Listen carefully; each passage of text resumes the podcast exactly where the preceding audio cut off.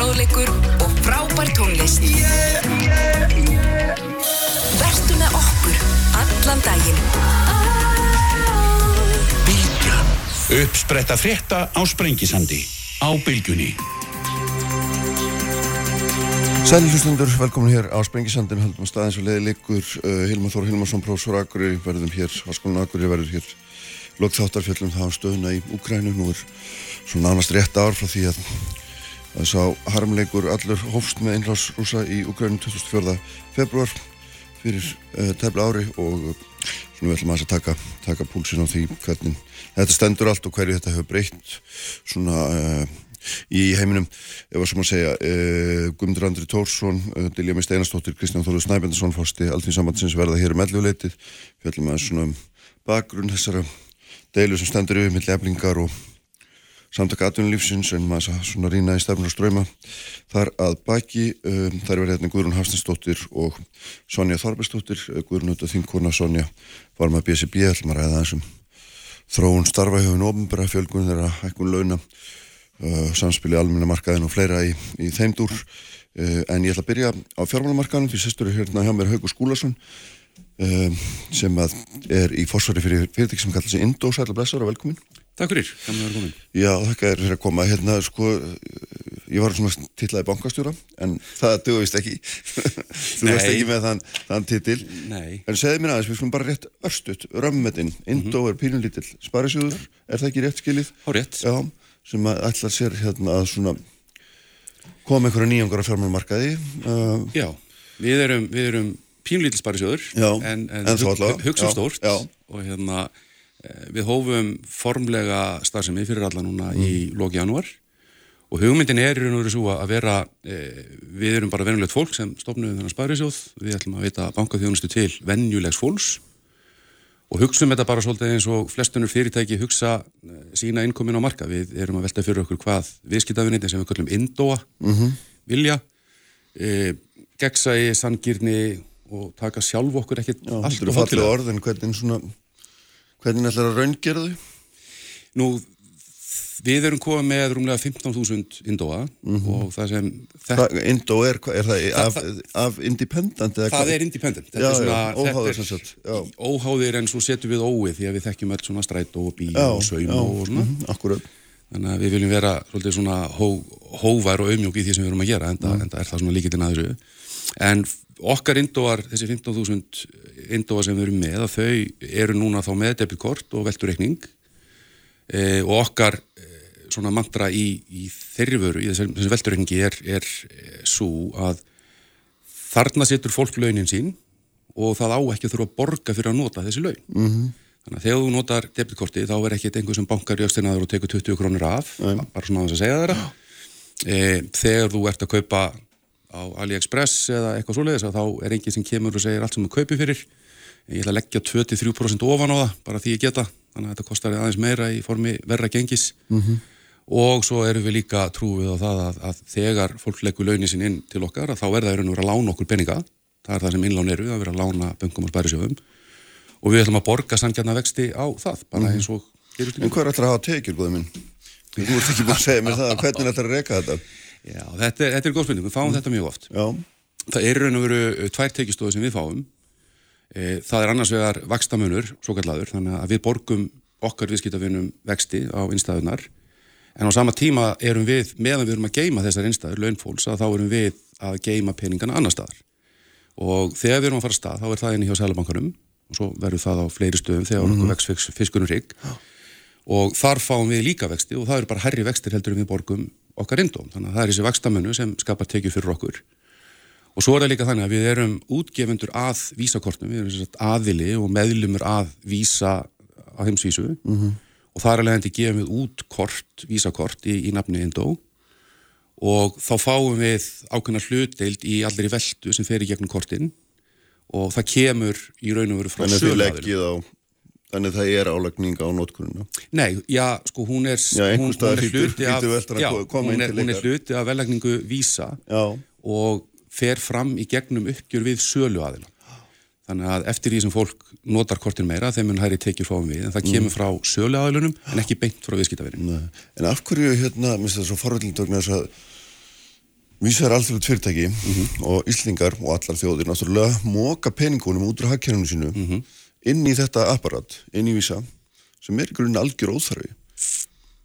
Sumum finnst það, en, en við höfum átt mjög skemmtilega samræði við fólki hjá Vísa, svona, það eru hópur af, af en akkur gefið ekki bara út eitthvað eigið kort sem að hérna, þið bara reykja á kostnaða verði. Menna, vandin við það er sá að það væri þá kort sem engungu væri hægt að nota á Íslandi, Mhm. myndi ekki ganga inn í neina posa, þess að staðar, nei. Þannig að við værum í raun og veru bara með plast sem myndi hvergi virka. Þannig að hérna, hluti af því til dæmis að vera með þessi vísakort er það að ef þú kaupir hlut á netinu og þú verður fyrir svikum þannig að hluturinn annað hvort fæst ekki eða eitthvað svo leiðis að þá er ábyrg, þá er það bara endugreið þá sjáum við um að endugreiða þér og svo sjáum við um það bara gagvart okkur að, að sækja þá peninga lengra. Þannig að það, er, það felst í þessu ákveðin trygging og það felst líka í því að þú getur verslað út um allan heim með vísakortinu, hvort sem það er plastið eða í símanum eða á netinu eða hvernig svo sem það er.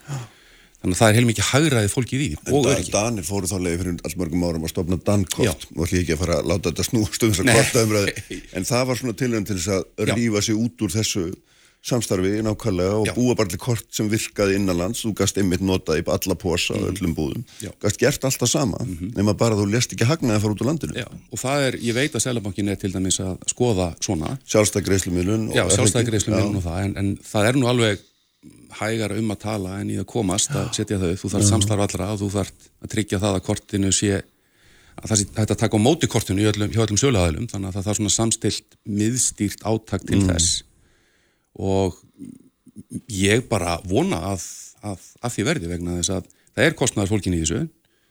Og eftir því sem ættir að fækka millilegðum í allir í svona fjármálaþjónustu og greiðslumilun þá er bara meira sem getur setið eftir í fólki. Já, en sko hérna, þegar að menn tala um fjármálafyrirtæki, við erum bara ímyndum okkur bara, veit ekki, hraðbanka. Mhm.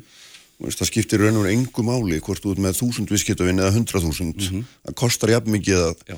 búa til hraðbankan, ekki það kostar jafn mikið að forrita dóti sem er á bakviðan og, Já. Og hérna, flytja penningan í hann og, og allt þetta, skilur við og, hérna, og menn segja alltaf í fjármálakerfinu hérna, hagkamni stærðarinnar er hvergi greinilegri enn í fjármálakerfinu. En þú ert, hérna, þú ert að fara ykkur alltaf að leið og aðeins að skýra hvernig. Já, við, við tölum um það að við getum búið þessi betri kjör í krafti smæðarinnar. Já, og, og það er vegna þess að við erum við hjá Indó, við erum 15 við erum 15 manns, við kannski endum í því að vera svona 20-25 þegar, þegar mest lætur. Um, við erum ekki með e, dýrt húsnæði, við erum í 140 fermetrum fyrir ofan Bræðurinn Ormsson. E, skiljum ekki alveg af hverju banki þarf að vera á dýrustu fermetrum landsins og flytja stöðlaberg þerti við landið til þess að smetla því utan á húsið, það, ég, við skiljum það ekki Nei. en það er það óþarfi. Um, og síðan erum við líka mjög meðvitið um það að við getum ekkert orðið öllum allt við erum með mjög svona strömmínulagaðar einfaldar vörur. Við smíðum engar krúsítúlur utan á þær, við erum ekki neinum sérlusnum þannig að við verðum alltaf með fáar vörur. Og þá er ég að tala um það að við erum með einn veldurreikning meðan bankanir eru kannski með 10, 15, 20 já, e, í þessu þetta nýtist síðan allt saman í því að nota nýjustu tækni í til dæmis rekstri tölvukjörfa við erum ekki að reka 400 mismöndi tölvukjörfa ofan í kjallar einhver staðar, þetta er, við gerum þetta allt saman á netinu, þetta er hjá Amazon Web Services. Og við erum sagt að, hérna, kerfin okkar eru rekin á svona netþjónum sem eru við hliðin á netþjónum CIA en Þannig að það lítur, já, en það lítur vantar alltaf samt að kosta algjörlega. ykkur jafn mikið og alla aðra að búa til kerfið sem á að nota vegna þess að það er á einu sinni þannig að það skiptir ekki máli hvort þú þjónast þar einn eða, eða þúsund sko. Forritunin og allt þetta allt sem þú þarf að hafa bak við þetta áttstýringin, hvað þetta heitir allt saman.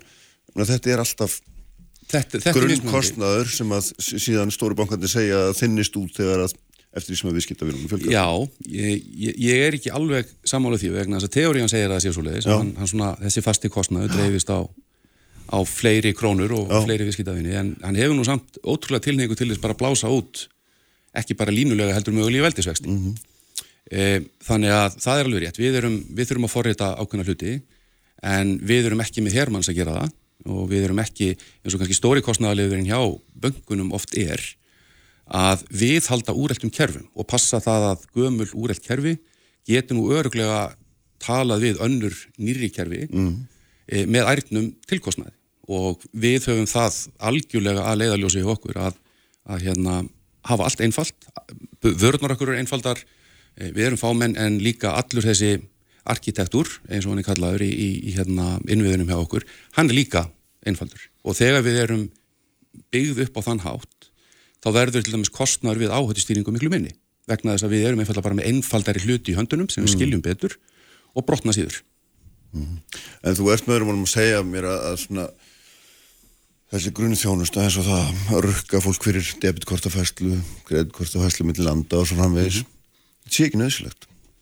Hún er ekki nöðsynlegt, það er ekki nöðsynlegt fyrir okkur og, og ég hef líka bara bent á það að hérna, þá geta mér bara spurt þá sem er í fórsværi fyrir hinabankana af hverju þau þurfa að gera það eða hvort að þau einfallega sjá fram á það að geta bara slefti. Já, hvert heldur svara myndi verða? Þú að Já, ef- reynslu, ágættur reynslu í Já, fjármálakerfinu? ég, ég held að hérna, þegar við erum komin inn á markaðin og við sínum að þetta er hægt þá verður erfitt að koma með svarið já, við getum það ekki af því að við erum svo stóru og flókin og eitthvað svona. Vegna þess að þá er alltaf hægt að benda á Indo og segja þið getið þetta, þau geta borga hærri vexti þau geta mm. sleppt öllum sem gjöldum.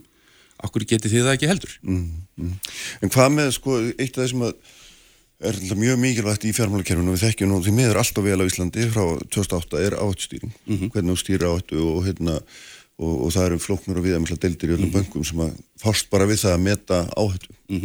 Uh, og þetta er, þetta er krafa hálfu fjármálaeflitsins að Algjörlega. þetta sé allt saman regulerað, nákvæmt, örugt útreiknið eftir ákvönu stöðlum og framvegis menna undir þetta heyra öll fjármálafyrirtæki, Algjörlega. lítill sparisjóður, Þingjasíslu og því vantla líka. Og við fyrir ofan þetta orðum sem við ámúla, Já, ég meina hvernig höndlið þetta? Því þetta er ekki síður sko kostnæðarsamt og umfórsmikið sko mín svona sín á það er að um leið og fjármálafyrirtæki svona missa yfir sínina, yfir áhættuna þá verður það gríðalega kostnaðarsamt að reyna að ná henn aftur og kannski tekst jafnvel aldrei.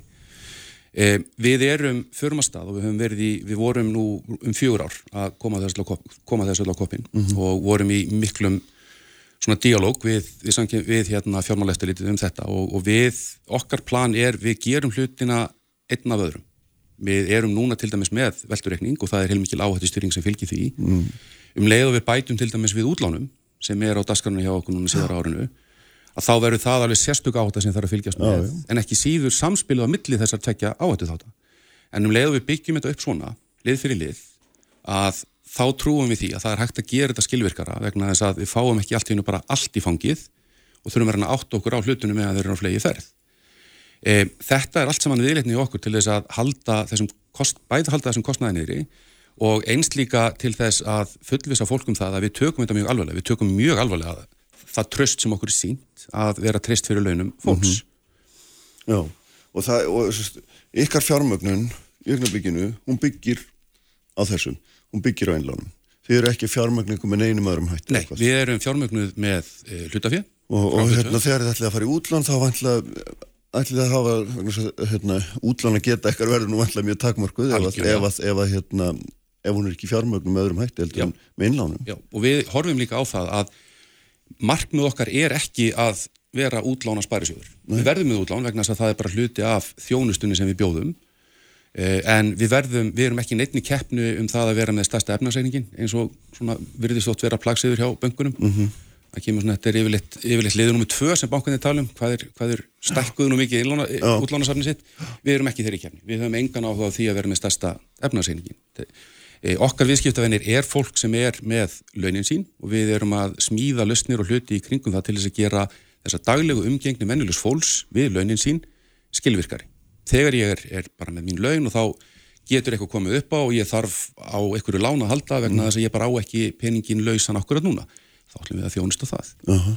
En það er alveg eins og með þetta að sko, við, við erum búin að rekna þetta út að, að fólk sem er til, til dæmis bara með launareikningin hjá okkur, ein- eins bara þá vöru sem við erum með í dag, að það getur munað rúmlega 50.000 krónum á ári sem fólk situr eftir með í vasanum ef það er hjá okkur, held sporið saman við það bara það sem er, fólk er með hjá böngunum og það munar þar mest um þennan falda, hérna, þetta falda gengisálag þar sem allt sem þú kaupir í útlöndum er aðeins dýrara vegna þess að menn smyrja ofan á svona földu verra gengi. e, við borgum hærri vexti, e, við erum samt eins og þú segir, við erum, við erum algjörlega undir eftirliti, fjármáleftirliti, svo við viljum vera það. Við viljum að það sé í þessum leik sé dómari sem fylgir þeim reglum sem gilda. Þannig að það sé ekki verið að taka áhættum með launfólks þegar við erum, um leið og við erum komin inn á markaðin, þá er það okkar hagur að það sé fylgst með öllum hinnum líka. E, og við erum líka hluti af innstæðu tringasjóði, eða tringasjóði innstæðu eiganda á fjárfesta og allar innstæðar hjá okkur eru treyðar upp í 100.000 eurur af þeim sjóði rétt eins og við höllum öru. Já, akkurat. En, en, en þegar þú ferð að lána peninga, mm -hmm. þá breytist myndin hressilega, sko. Mm -hmm. og, og hérna uh, ábyrðin verður miklu meiri, mm -hmm. áttan verður miklu meiri og, og, og hvers konar, er svona forhundin þetta, hva, hvers konar, vegna þess að ef, ef, ef ég færi nýri í banka núna sem ég er og segja að mér vantar hérna peningi um mannamótin, þá þurfti ég að taka yfirdrátt held ég. Að ég viti það nákvæmlega ég, en, en ég held að það sé þannig. Og þá þurft að borga híminhávægsti fyrir það. Þetta er vestalán sem við getum tekið. Uh, hvað ætlað þú að gera þessu? að geti komið til þín og fengið þetta lán bara og hérna skýðu ingenting þú, þú, þú, getur, þú getur það ekki í dag nei, ég veit það en þegar það kemur ég minna að segja mér hvernig hvað er að hugsa sko. við hugsaum þetta í, krafti smæðarinnar mm. e, þá munum við kappkosta það að vera í öllum okkar vörum samkefnishæf í verlegningu og við förum ekkert af stað með vöru eins og yfirdrátt ef, ef það væri varan sem við myndum bjóða öðruvísi en að þú fengir betri kjör hvort það eru vextir eða eitthvað svona það sem heitir svona yfirdráttar landtöku gjald eitthvað, ég veit ekki almenlega hvað, hvað með kallaði þetta vegna þess að við þurfum ekki á þess að halda. Við tökum einfallega, við, við verlegjum vöruna með við það sem við teljum okkur þurfa að hafa finni en gerum það alltaf þannig að, að hérna hún á að vera samkefnisæf, við eigum að geta gert betur í krafti smæðarinnar, einmitt vegna þess að eins og þú talaður um, um hérna og að það er að skilja einhverjum að arði líka er já, já, já, algjörlega, það er það, það, það er eina frum fórsendu þess að vera reyka fyrirtæki að það er skilja arði. En af því að við erum lítil af því að við erum að hugsa þetta öðruvísi af því að við erum að nýta nýjastu tækni í þessum reksti, þá höldum við kostnæðanum svo, svo lágum og þá þurfum við ekki að hafa sem við tekjur. Mm -hmm. og ég hef við hefum sagt þetta sko, en okkur bara takkið ekki allan hagnaði sem við mögulega getið? Þannig að það er einhverjum hold, það er einhverjum hold að vera á fákjöfnismarkaði e, fjármálumarkaðarinn er svolítið bara svona svo vistkerfi mm. öll vistkerfi deyja ef það eru eina eða tvær eða þrjá lífuru sem, sem dómin er allt, við viljum alls konar. Og það eru í raun og veru þrjú markmið sem við höfum sett okkur með, með Indó. E, alveg fyrir upp á og erum trú þeim markmiðum, það er náttúrulega fyrirtækið blómstri og dafni og það gerum við með því að hugsa um viðskiptavinnina alveg frá grunna allan daginn. Það er líka það að þeir viðskiptavinni sem velja kom ekki til okkar því að, að þetta snýst allt um val, við erum ekki að lokka alla til okkar, en þeir viðskiptavinni sem eru hjá hinuböngunum, að þeir njóti þá sömu kjara vegna þess að, vegna þess að bankarnir bregðist við samkeppninni þannig að þeir lægi sína vellegningu að því sem við erum að bjóða, þannig að það verður svona breyting á markan, þá, þá er það stór sigur fyrir okkur og líka að við getum sínta að það er hægt að stopna fjártækni fyrirtæki sem er í eftirlýðskildum rekstri spærisjóður og hvetja þá aðra sem eru þarna úti og velta þessu fyrir sér en hlusta á allir þessar rattir sem segja að þetta er ekki hægt, mm. þetta er alltaf svo dýrt og eitthvað svona, að það fólk láti slagstanda, stopni fyrirtæki og komi samkeppni við okkur. Þá ertu búin að skapa umhverfi fyrir mjög heilbriðan rekstur þar sem það er alltaf viðskiptavinnurinn sem nýtur góðs af því. Mm -hmm. En þess að möndru hefur mann að heyrt frá allum öðrum viðskiptavinnurinn sem í fórgrunni.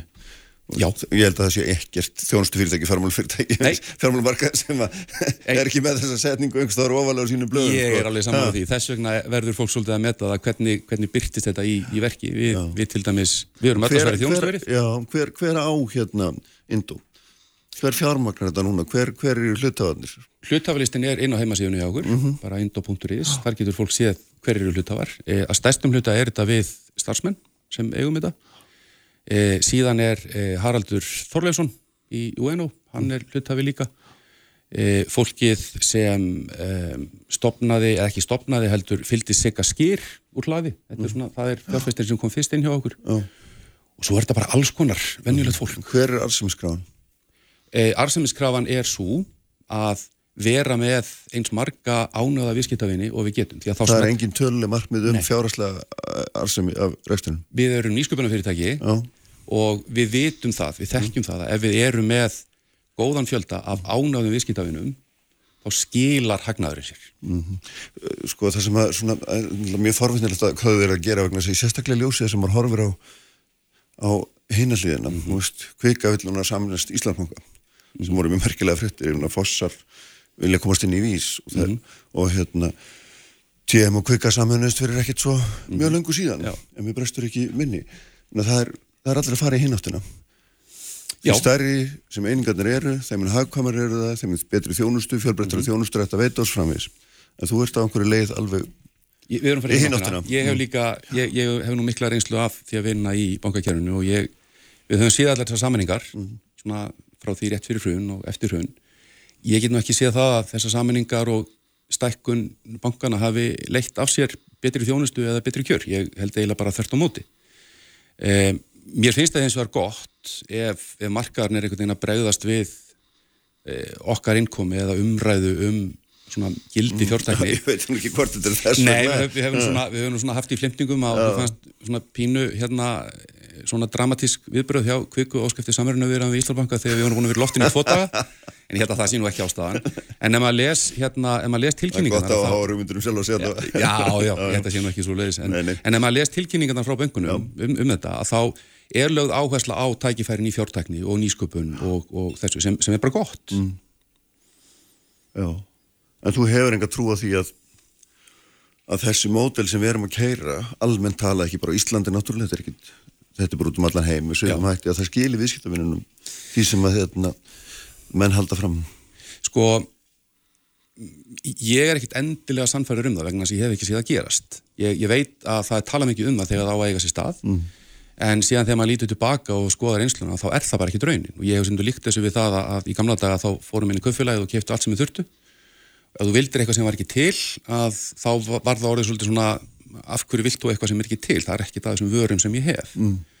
Um, og ég held að það hefði bara sínt sig að þegar þú ert með einhvern einn aðeila sem ætlar að fara að bjóða alls konar vörur, hvort sem það eru tryggingar og egnastýringu og yfirdrátt og húsnæðislán og eitthvað þá einfaldlega er sá aðili það er eiginlega útlokað að þessi aðili verði bestur í að veita allar þessar vörur. Og við sem viðskiptafinni við förum í alls konar búðir til þess að kaupa okkur mat og fött og skó og eitthvað og þessi hugmyndum að við erum að fara á eitt stað og gera þetta allt saman, hún er bara lungu, lungu horfin. Og ég get ekki séð að, að fjármálakerfið eigi að vera einhvern veginn öðruvísi. Það er engin bank í heiminum sem er með breytt vöruúrval og hver einasta vara er best á þeim markaði borið saman með alla aðra, það bara það er ekki svo leiðis þannig að okkur finnst að, að bankar alveg eins og öllunum fyrirtæki einbeita sér að því sem þeim vörum og þeim þjónustu sem þau eru góð í -hmm. og láta bara aðra sjá um hitt vegna að það er það sem viðskiptavinnurinn á skilið.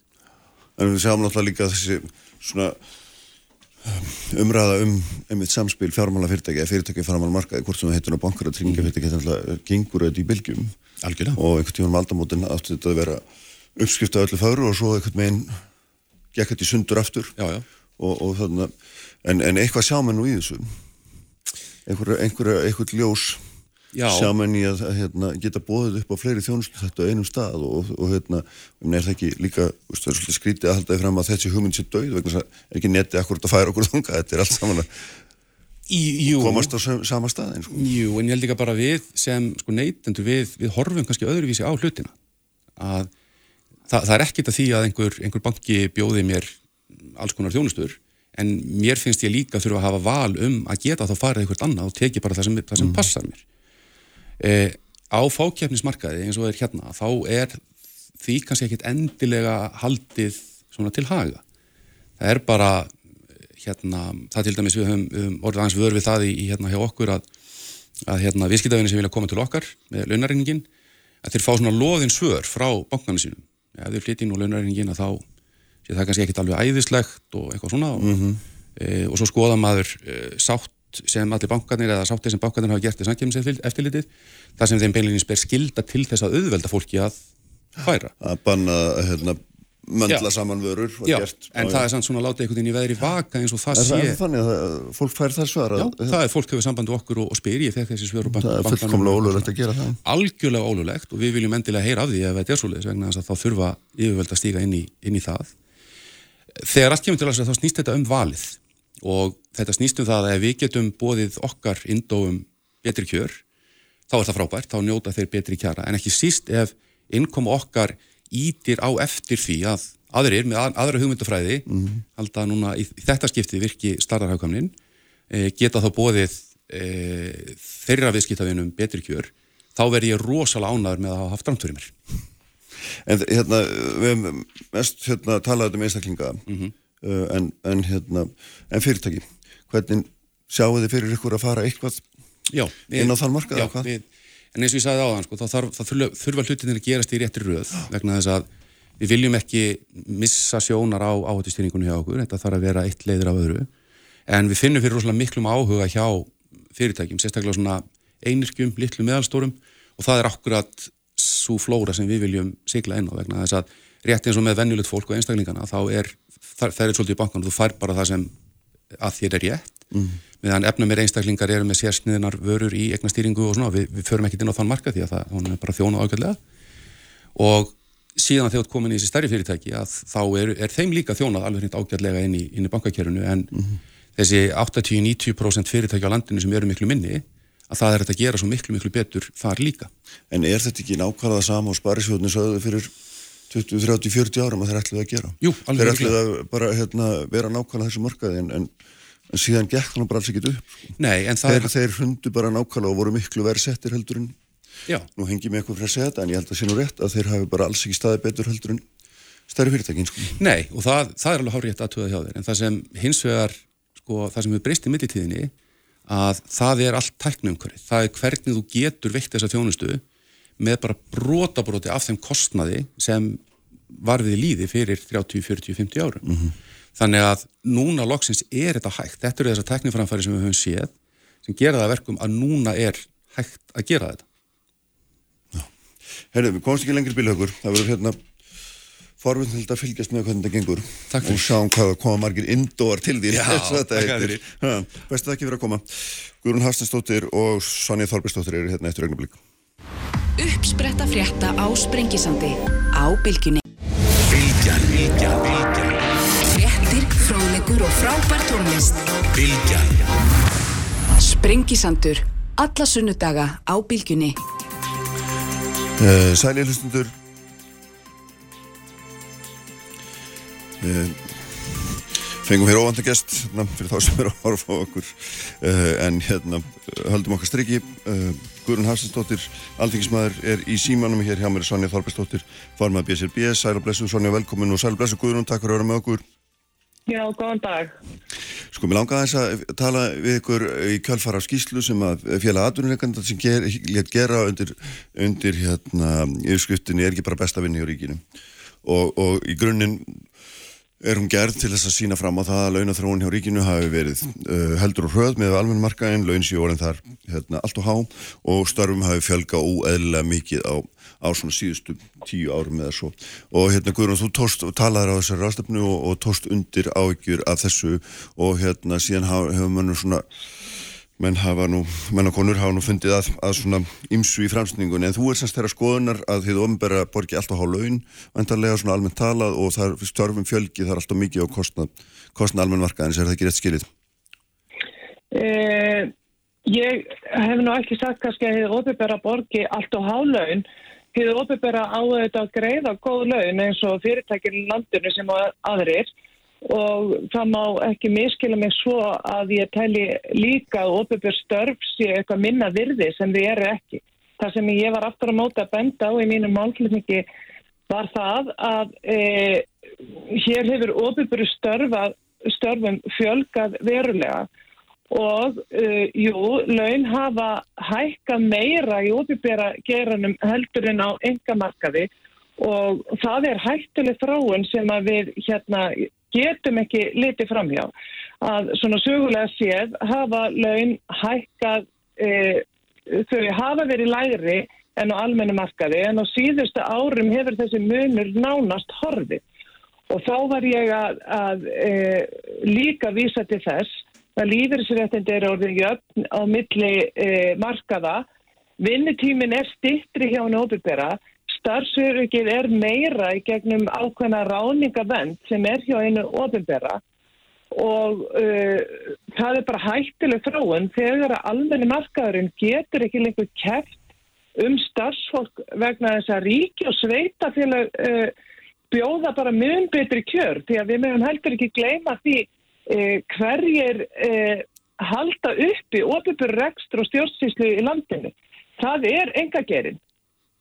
Þannig að þetta er varhaverð þróun og uh, það er, má segja, að okkar óbyrgara kerfi, það hefur sannist meira útheldur í mörgum ríkjum innan OECD-ríkjana og, og það er sömulegis merkjum það að við ættum að staldra við og, og, og svona aðeins að hugsa um samsetning og millið þessar tveggja marka. Mm Svona, hvernig bregstu, bregstu við þessum? Ég, mér langar kannski að byrja á því að, að því að á þessum fundi þá segir hérna Guðrúna að það vest að við hérna, umskiptin í hennar lífi að því að fara frá almennamarkanum yfir í ópenbera, að vestar sem hafa komið fyrir hana og síðslinni mannum hafa verið að verða ópenber starfsmæður og hún hafa aldrei verið að framfæri annara en sín sjálfs og, og kannski fyrir það fyrsta að Guðrún er náttúrulega ekki ópenber starfsmæður í þeim skilningi mm -hmm. e, út frá vinnuréttunum heldur að hluta lögjaðavaldinu e, mér var svona kent að mjög snemma að maður gerir ekki lítur störfum annara, maður talar ekki til þeirra vanverðingu og hjá Ríki og sveitafölum er náttúrulega langstæstu geratnir er heilbyrjastjónusta og, og hérna, mentakerfi okkar sem er svo sannar að skapa verðmæti en, en nú hefur líka verið talað um að, eða svona verið gefið út að, að Guðrún sé mögulega að fara að taka við dómsvonræðandinu mm. sem ráðherra og, og undir það ráðuniti fellur hlæmis lauruglan sem er væntalega svona stæsta einstakar starfstettin þar, uh, þetta eru fangelsin, það sé að fangaverðir, þetta eru almannavarnirnar og og svo verður ráðherra og farum líka ráðherra bílstjóra allt er þetta ofinberi starfsmenn. Dómskerfi líka. Já, dómskerfi líka. Ja. þar eigum við býstna mikið af félagsfólki þannig að mér, mér langar kannski að, fá að spurja Guðrunu sko, hvernig á þetta fólk að skilja þessi skilabóð um að þetta hafi verið það vest á þínu ferðlega veð ofinberi starfsmæður og, og, og, þú sért að framfæri annara en sjálfur að þín?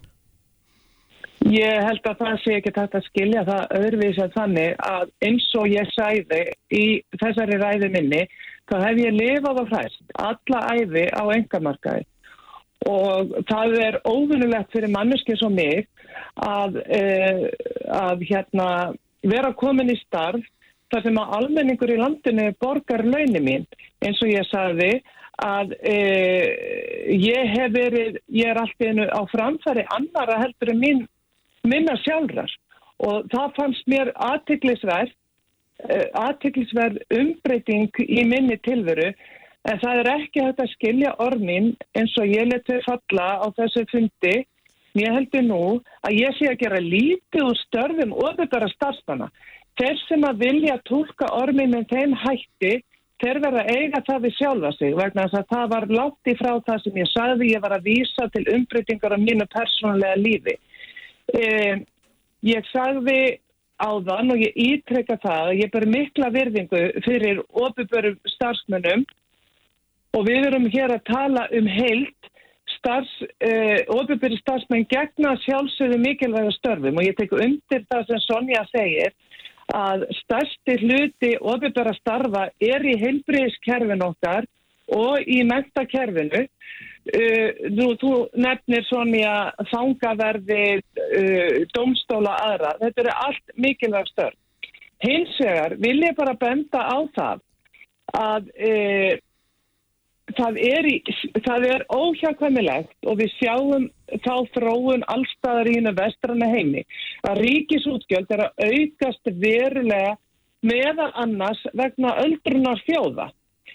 Og þá til að bregðast við því að þá er ekkert annað svar annað en að auka verðmætasköpun í landinu.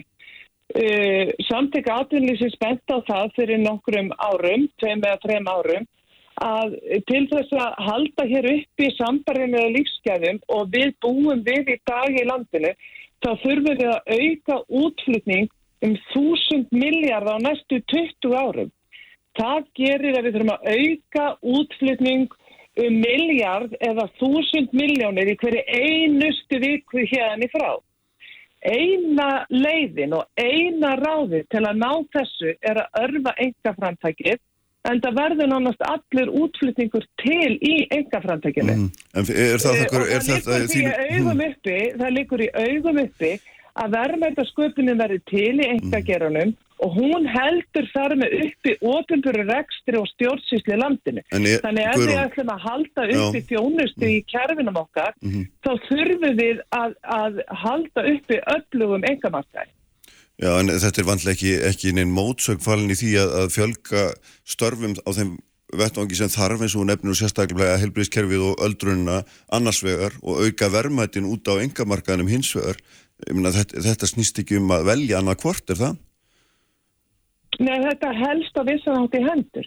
En við verðum, núna hefur verið, e, mesta fjölkunin hefur verið á ofinbjöru markaði. Þar Það er bara hefur starfsmönnum, þar hefur þú kemst að- starfsmönnum fjölkað á síðustu sex árum um 21% á alm, á, meðan á almennu markaði hafi fjölkað um 3%.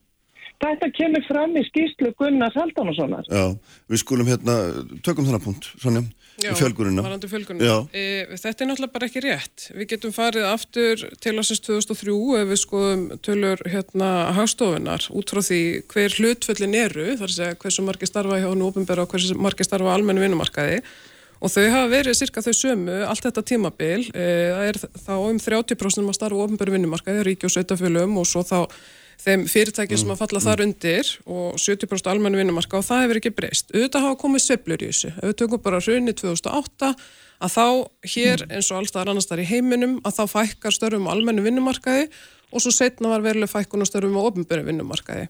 Og svo þá þegar svona að fóru að snúast við aftur í efnaðslífinu og þá auðvitað varð aukning aftur á báðum vinnumörkuðum og það sama þegar það hefur svolítið verið hort núna til undanfarina ára þegar við vorum auðvitað að glíma við heimsfaraldi koronavirunar og, og þá við, við sáum raunverulega bara öll í gegnum fjölmjöla hverju aukningi var á þessum störfum.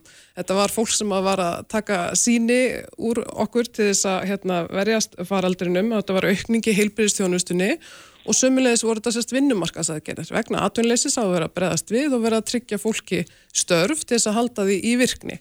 Og í þessu samtali öllu, þá tóku samtöku atvinnlýsins þátt alveg eins og aðri aðala vinnumarkaðarins eins og BSB við stjórnvöld og voru að þróa á- þessar en- leiðir. Já, en þú horfir á þróunina síðustu tíu árin. Finnst þér hún vera bara eins og hún á að vera? Varandi stóri fyrir ofnbærum hérna markanum, uh, varandi laun og og með við hvernig þetta hefur þróast á þessum svo kalla almenna markaði sem við notum til aðgrinningar. Það hefur, ég meina, það eru fleiri sem taka þátt á vinnumarkaði. Þú veist, ef við byrjum bara saman við hérna 2008 voru í kringum 180.000, í dag eru í kringum 208.000. Þannig að það er alltaf, það er svona einfaldast að horfa á þessa skiptingu sem ég var að horfa eh, að tala um áðan, 30-70.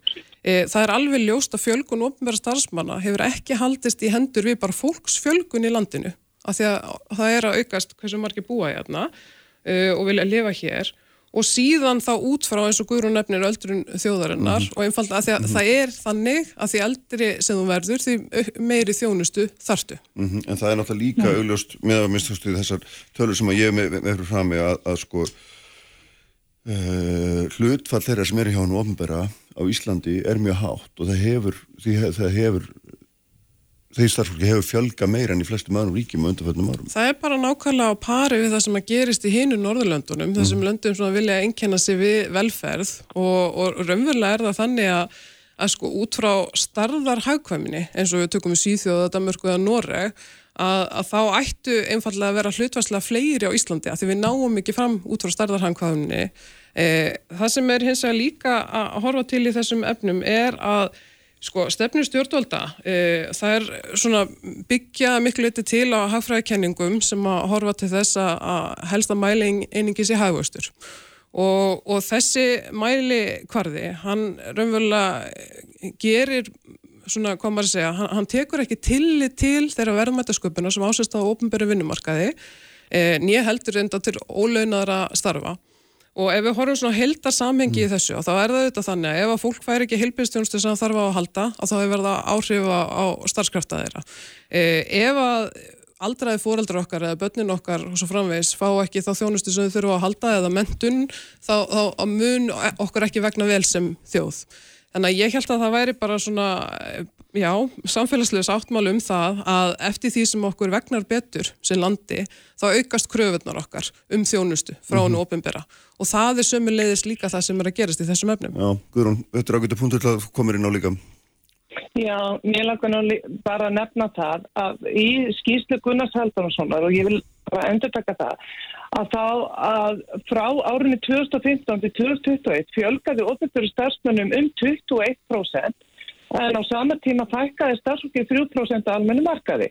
Og hérna og að því að Sonja nefnir e, þarna hafi síðan hlutfærslega mesta fjölgunin í heilbriðs starfsfólki þá er það bara rátt vegna að þarna hefur fjölgunin verið hvað mest í ofnbjörðstjóðsíslu eða 60% á 6 árum sem að starfsmönnum í ofnbjörðstjóðsíslu hefur fjölgat.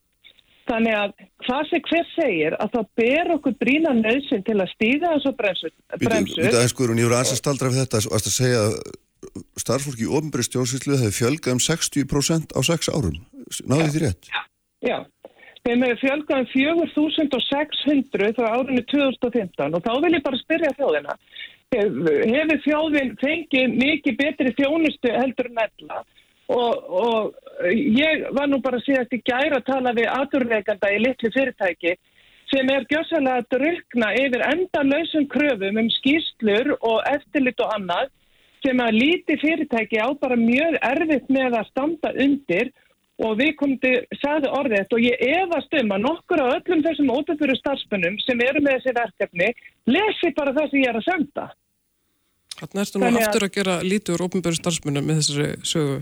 Nei, nei, ég er ekki að því. Ég er að tala um það að hér hefur við líka þanið út, uh, við hefum smurft hér þykkulægi eftirlits og reglugerðar á atvinnulífið sem gerir það segja miklu þingra fyrir sérstaklega lítil fyrirtæki að starfa á almennu markaði eða fjölga störfum hjá, í fyrirtækjunum sínum. Þannig að ég er ekki að gera lítið úr óbyrgur starfsmunni Sonja. Ég ætla að byrja þeim að hætta að tala með þeim hætti. Það er bara mikið langt frá því. Við vitum það báðar að í íslenski stjórnsýslu er fullt að gríðarlega hæfi fólki. Það breytir því samt ekki að regluverk og reglugerðar fargan og eftirlit hefur aukist alveg stjórnlust að ég tel núna á síðustu árum. Og það vita allir sem standa í rekstri og geta tekið undir. Það náttúrulega gekk mjög vel að, að svona skortur og eftirliti varandi fiskaldi og svona hægt að nefna ímis önnu dæmi í þessum öfnum. E, ég held við þekkjum þá öll að ástæða fyrir því að við viljum hafa virkt samkjöfnseftirlit og bara eftirliti yfir höfuð er til þess að tryggja samkjöfnshæfni fyrirtækja og svona tryggja það allir búið við sömu leikreglur. E, ég, ég er ekki að fara að hætta að nefna það að mér finnst þú verið að gera lítur ópenböru störum og þetta eru beinlinni skilabóðin sem að koma frá okkar félagsfólki hvert einasta skipti sem er fullur á sjálfstæðisflokksins eða atvinnlýsins tala með þessum hætti. Og það sem ég er að velta fyrir mér sko hver eru að þessi skýsla svo nefnir frá félagi atvinnureikanda Eh, hún er svona í besta falli byggð á mjög hæpnum fósendum. Eh, við erum með upplýsingar frá kjaratölfræðanemnd sem setja allir aðala vinnumarkaðarins og stjórnvöld sem er að líta til. Eh, Fjármálunandi hefur sjálft gefið frá sér upplýsingar, hagstofan sömu leiðis að skipta mér auðvitað máli hvernig maður matrið er þetta. En eða það er hortið yfir lengar tíumbil að það var það alveg á hreinu að það hefur ekki orðið fjölgun og ofnbæra starfsmann umfram fólksfjölgun eða öldunum þjóðan nema síður sé. Veikinda fjárvera er mun hærri ofnbæru vinnumarkaði heldur en almennum vegna þessa álag sem að störfin fela í sér. Við erum núna allaveg í hilbyrjastjónustunni með starfstættir eins og sjúkarlega hjúkurnafræðing og lækna sem hafa öll hugsa sér að hætta á, á næstu mánum. Það er svona stórt hlutfall þeirra sem lítur ekki svo á að þetta sé þeirra framtíðar störf og ef þau myndu einfallega bara frá hverfa og það er nú þegar mikil mannekla þá veldi ég fyrir mér hvaða áhrif það myndi hafa á verðmætasköpuna yfir höfuð. Þessi umræða og þessi nálgun umræðan og hún er ekki að hjálpa. Af því að þá að fólk enga von þess að það sé verið að horfa til þess að styrkja ofinbæra þjónustu að, að hún sé mikilvæg fyrir okkur öll. Og, og þess vegna, mér langar svo reyna maður sko í fyrsta legi fyrir utan þessa skýslu sko hvaða rauk nýða til þess og hvaða fræði eru það sem undirbyggja það? Að verðmætasköpunni sé bara á engamarkaði og svo langar mér líka aðeins að velta upp að það er í kringu 40.000 mann sem að starfa hjá ríki og það þetta blasir við að þetta fólk kýs alla stjórnmálaflokka. E, er ekkert einkennlegt að sjálfstæðisflokkurinn eitt sé að tala svona inn í þennan hóp og hvaða áhrif haldið þið að það hafi á ykkar kjósendur? Sko, mér langar aðeins að fá að koma því að, að ef við tölum um heildarlaun og þá eru greitt heildarlaun ríkistafsmanna þau hafa hækkað um 96% frá árunni 2008 Laun sveitafélag á sama tíma hafa hækkað um 107%. En laun á almennu markaði hafa hækkað um 81%. Það hlýtur að segja okkur að eitthvað að, að e, þegar að laun hækka meira á ótubera markanum heldur en á almenna markanum að þá verður erfiðara fyrir almenna markaðin að, keppa um hægt starfsfólk.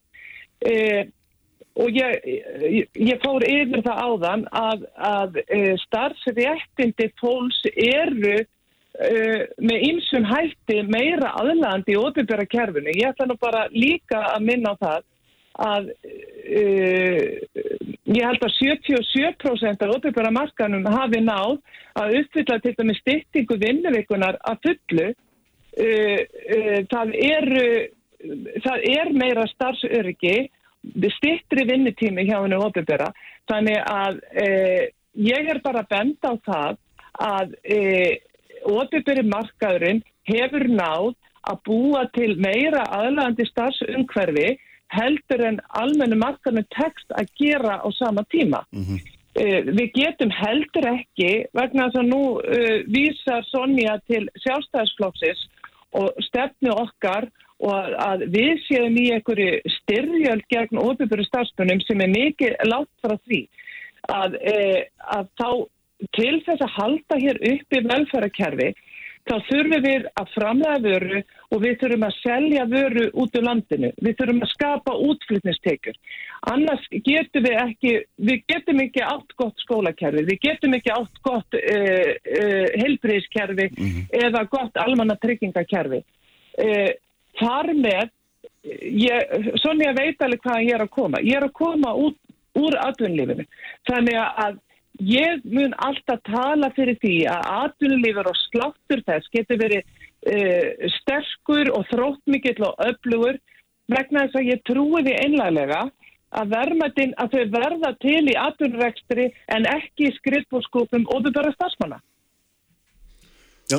Já, það er nú vel hægt að styrkja sko enga framtækið án þess að gera lítið úr ofnbyrju þjónustu. Eh, hins vegar með langar bregðast aðeins viðvandu launathróna því ég held að þessi kannski það eina sem við höfum ekki snert á hérna. Mm. Eh, það er auðvitað þannig að á undanfjörnum árum og í kjálfa lífskjara samningsins að þá var lögð áherslu á hækkun lægstu launa og það vil svo til að það eru hlutfalslega fleiri, sérstaklega á sveitafjölum en líka hjá ríki, sem eru á læri launum, það þýðir að prósendulega séð yfir þetta kjærasamstímabil þá eru þessir hópar að hækka mest. Það er munur á milli ríkis og sveitafjöla, við sjáum þetta mjög glögglega hjá sveitafjölunum að það er prósendan herri heldur en hjá hinnum Eh, en síðan er það líka alveg á hreinu að það verður að hafa í huga að tveir þriðlutur starfsmanna á ofnböru vinnumarka eru konur, þetta eru stórar kvennastettir og það eru allar ansóknir sem að sína það sama. Að megin ástæðan fyrir e, launamunni kynjana er vegna þess hversu kynskipti vinnumarkaðurinn er. Og það eru ansóknir sem að sína fram á það að, að konur hafi verið vel að halda upp í velferðinni hér á afsláttar kjörum og það er komið tími til að, að mm. leiðrætta það. Aðeins álega þú kemst ekkur um þetta er mjög áhugavert það svona að segja það er, það er mjög hátt hlutvart hvenna sem vinnur hjá hann ombera það er, það er sko fastaði helmingur 47% held ég. Nei, tveir Já, það er tveir þrjir. Það er 66 á sveitufölum og 70 já, á ríkinu. Já, já, já, allt hérna. Og, og hérna, gott og vel, og, og, og það er náttúrulega ennþá aðtilsverðara mismyndið tölunar. En svo er það líka mjög aðtilsverðið í þessu samingi að, að nánast, eða bróðuparturinn af því ellenda starffólki sem flýst hingað fer síðan út á almennamarkaðin. Þannig að þetta er eitthvað meina kvarnast í þessar áttir. Mm -hmm. Ísli, hvað maður tala, konur, konur sem eru hérna hér hvað maður segja, fattur og uppaldar, það er vinna hjá hún umbera, en þeir sem að koma hinga, þeir fara flytastinga og fara að taka, taka frekar þátt í almenmarkanum og, og hérna, já, það er, það er litið svona aðtilsverð þróun. Það er eitthvað smá samansæmerkja millir, sko, við sjáum það að þróun er svo, að fólk á ellendum uppinu mm. sem er að koma hinga er að vinna í algjörlega lægstluðnustu störfunum hér á vinnumarka og það er líka erfiðast með hann á endum saman og byrjuð vestu lífskeiðin og það er eitthvað sem við þurfum að bregðast við. E, síðan er það bara, við búum hérna í kynja kerfi, það er verið að horfa til þessi að það sem að mm. mótar okkur og starfsval eru hugmyndur okkur um hvað konur gera og hvað ekki og það hefur áhrif á launasetninguna því að áður unnöður þess að störf heima við og gera ennþá ólaunuð og ef við styrkjum ekki ópenbæra þjónustu mm -hmm. þá eikst bara álegið á konur heima fyrir því það er bara ennþá megin ábyrjina. Mm -hmm. Hittir svo þetta, þetta hefur gerð krafa, eða svona það hefur verið stefnan, ég segi ekki auðvitað, að, að þessi íslensku kunnátt að fyrir hendi í störfum hjá hennu ofinbera, en á móti kemur að það er fólk að erlendum uppbyrjun hefur ráðið til starfa, það hefur verið búið upp á íslensku kjenslu ávinnutíma og þeim að endur gælds lausu. Það hefur ekki alveg verið jafn mikið gert á almennu vinnumarkaði, en hins vegar er þetta auðvitað misrætti sem við verðum að bregðast við og hefur ofinbera verið að standa sér betur og það hefur margóft verið rætt. Guðrún, hérna, beðið aðeins að að nefna þetta þegar þú svarar, en, en ég ætla líka að skilja eftir einu spurningu hjá þess sem ég vil á svari líka, ég meina, finnst þér staðan vera þannig núna að það þurfið að setja einhvers svona bremsu á hugðumbra kerfi, hva, bæði hvað var þar þá fjöldast harsmanna og eins hérna þessi launathráun sem að þú hefur verið að, að, hérna, að nefna? Eh, ég veit ekki hvort við höfum að setja bremsu en auðvitað við, eh, nú er ég árið þjóðkjörnum fulltrúi og okkur ber að fara auðvitað vel með það skattið sem að berti ríkisins og, og við eh, hérna okkur ber skilda til þess að auðvitað að rekja ríkið með hagkvæmum hætti. Og, og okkur ber þar að leiðandi skilda til þess að þegar að, að, að við sjáum teikna á loftum það að til dæmis að hér séum við með gríðarlega fjölgun óbyrgara starfa, umfram til dæmis OECD-ríkin og, og ég ætla bara að nefna aftur eins og til dæmis bara 60% fjölgun í óbyrgari stjórnsýslu þá er ekkert óeilegt við það að það staldri við og spurja sig hvar liggur þessi fjölgun og hvað eru við að fá út úr þessari fjölgun umfram það sem var. Þannig, þann, þetta er bara eðlilegt í öllum rekstri og svo langar mér nú líka vegna það mér fannst nú Sonja að gera heldur lítið kannski úr skýsluhöfundum þessara skýslu og, og sem er nú bara virtir fræðimenn og, og hafa starfað hjá hóskólum sem og fyrirtækjum þarna úti. Þannig að mér finnst þessi skýrsla góð sem að Gunnar Haldansson kynnti þarna í síðustu viku. Og mér finnst hún gott innleg inn í þessa umræðu vegna að það er auðvitað líka bara heilbrygt samfélagi við veltum fyrir okkur samsetningu starfa hér hvort sem að það eru ofinbjörnum á almennu markaðu og fólk þarf ekki að, að hérna fari eitthvað gríðilega skotgræð hvað, hvað það varðar mm -hmm. en, Mér langar að ítrykka þessa spurningu við mjög stund mikilvægur hérna, mikilvæg þú, þú ert óna með þróunina og hérna Já. nú hefur einhver tök á því að breðast við henni og, og mér langar að vita hvern, hvernig Það hefur ekki gengið vel Kristján. Ég veit ekki betur en að það sé ráningabann hjá Reykjavíkuborg en þeir hægt að samt ekki að ráða í e, til dæmis verkefnastjóra ég tók það líka sem dæmi í mhm. minni ræðu Já, minni, Þinn flokkur hefur verið í ríkistjórn í mörg mörg undarfarin ár og ef þú ert að tala um fjölgun og ofnbæra starfsmann saman tíma hlýtur að vera gaggrinn hann líka, ég menna alveg að setja snúið svo þannig ekki sett Já, að sjálfsögðu, að sjálfsögðu er ég að gaggrinn það líka. Formaður hann flokksessandi í fjármálaröndinu hefur gefið tölur um að við ekki orðið fjölgun það gengur svolítið illa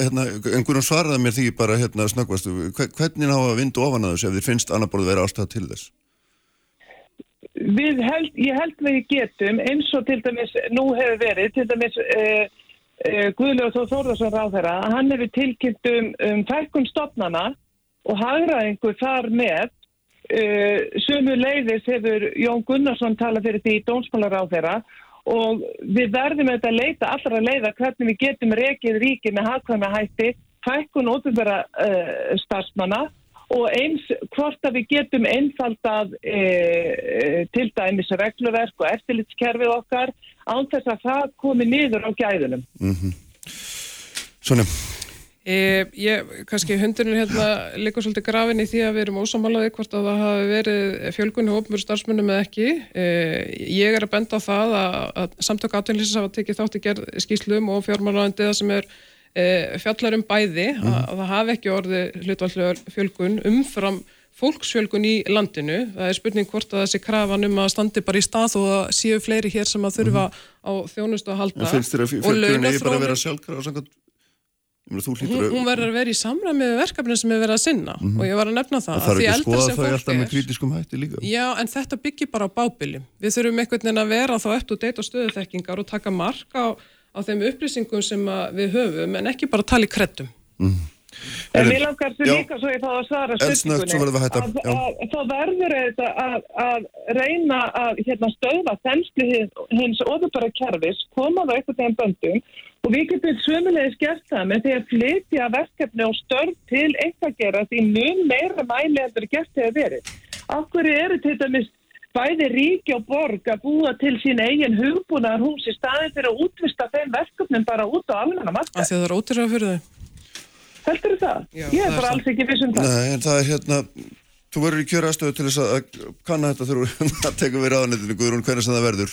Þarna, bestu þakki fyrir að vera með okkur, verðum að hérna, hleypa öðrum aða núna eftir og, og hérna, takk fyrir að koma svona. Takk fyrir. Þau eru hérna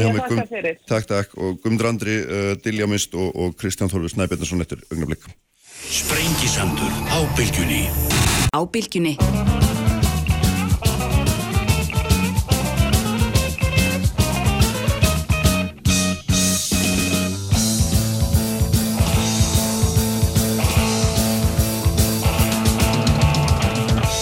Sælilustundur, uh, höldum áfram hérna sprengisendunum, það eru farnar fram með Guðrún Hafstinsdóttir og Sonja Þorbergsdóttir.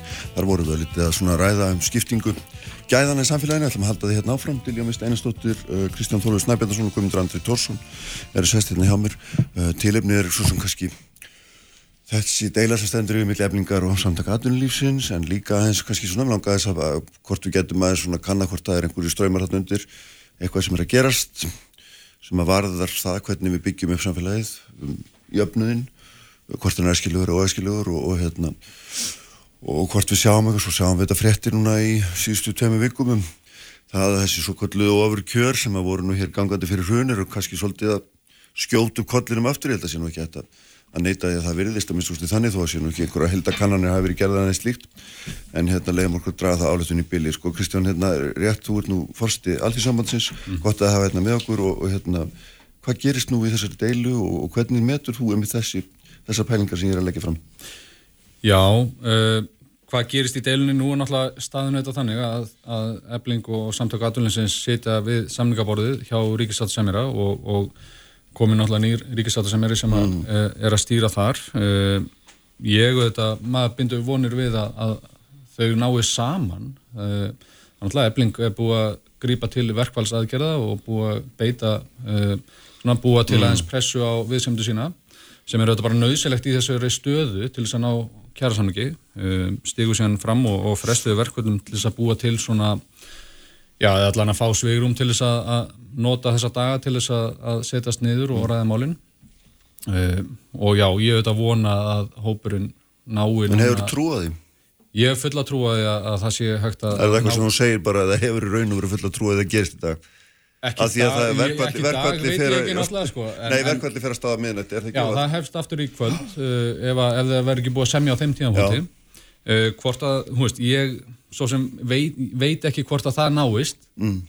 það, mér heyrist það ekki vera þannig með við samt uh, hérna, málflutning sáttasemjara uh, í gerkvöldi þannig að það þarf auðvitað bara að koma í ljós Mm. en, en ég er fullvis um að, að það er hægt að leysa þessa deilu það er hægt að ná kjæra samningi og ef að stýpni uh, samtaka aðtölinsins uh, minkar og þau eru að koma til móts við þeirra stöðu, þessa hóps, að þá eru þetta hægt að ná að gera kjærasamning. Mm. Það er auðvitað útgangspunkturinn í þessari stöðu og, og hérna, já, þannig að ég held að það sé bara mjög brínt að, að svo verði, að, að hérna, uh, það verði komið til móts við hópin, þannig að hann geti skrifandi kjærasamning, en það er staða fólksins sem að eblingar að semja fyrir eins og svo sem víðar um landið hún er auðvitað bara erfið við erum búin að vera glíma við háa verðbólgu hérna undanförnu.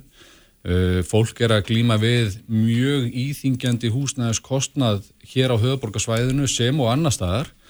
Uh, og það eru auðvitað svo staða sem þarf svolítið að breyðast við. Það þarf að styðja við fólkið, það þarf að, gera þið klift að ná endum saman.